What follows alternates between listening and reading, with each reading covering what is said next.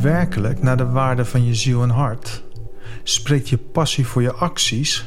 Of volg je netjes dat wat je opgelegd wordt? Laat je jezelf omkopen om daar je vrije wil voor op te geven? Of besef je dat je zelf de keuze hebt?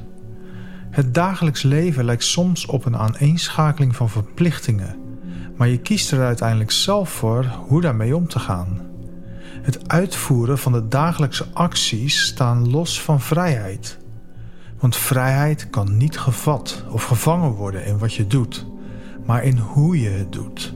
Want in elke actie is er een interactie met jezelf en de ander. Het is in deze interactie dat vrijheid te vinden is, door de ander met liefde te bezien en haar de vrijheid te gunnen.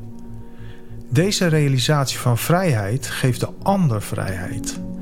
Wanneer je de ander niet meer langer gevangen houdt, dan bevrijd je jezelf ook.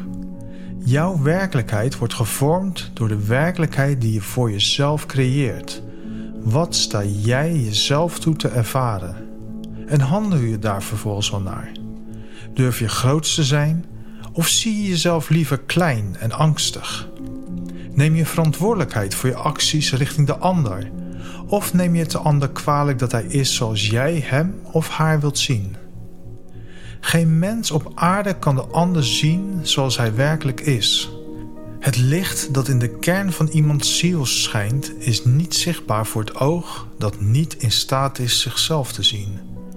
We zien de ander slechts door de sluiers van onwetendheid die we voor onszelf hebben opgetrokken.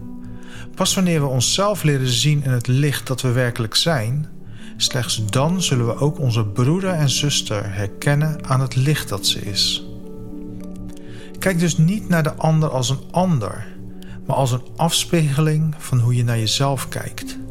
Herken jezelf in de ander en erken je dat je samen één bent. Het is via elkaar dat je het zelf kunt vinden, dat je als individueel ik beschouwt. Door jezelf weer te vinden, kun je de ander ook in haar ware licht gaan zien. Samen zijn we één. In vrijheid komen we dan samen en zijn we één.